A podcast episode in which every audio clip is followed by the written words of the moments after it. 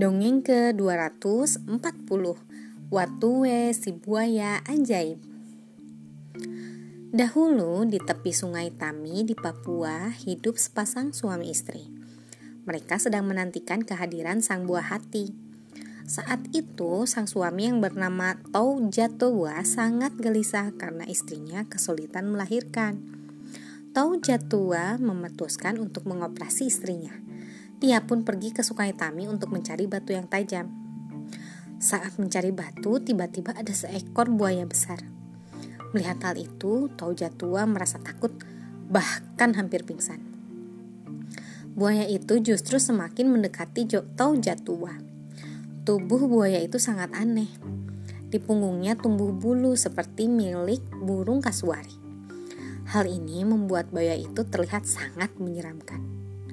Tau Jatua langsung bersiap-siap untuk lari. Namun, buaya itu tiba-tiba menyapa Tau Jatua dengan ramah.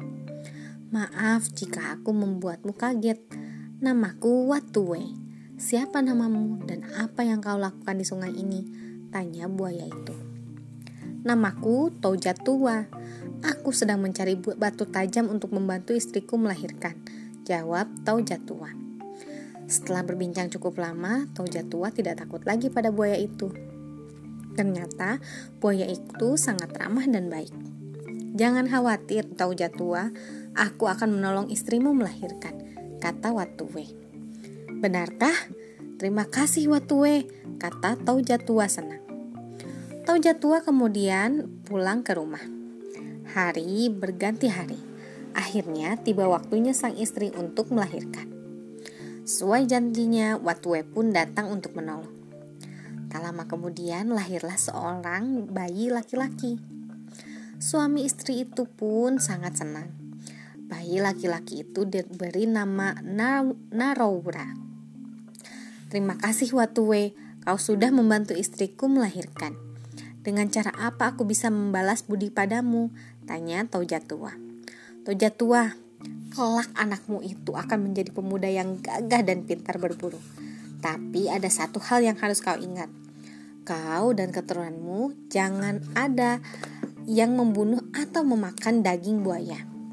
Jika kau melanggar, kau dan keturunanmu akan mati, kata Watue. Baiklah Watue, aku akan mengingat pesanmu dan akan kusampaikan pada keturunanku, kata Taujatuan. Sejak saat itu, Toja dan anak keturunannya tidak pernah membunuh hewan di sekitar sungai Tami.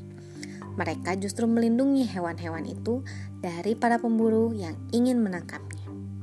Sekian, terima kasih telah mendengarkan. Selamat malam.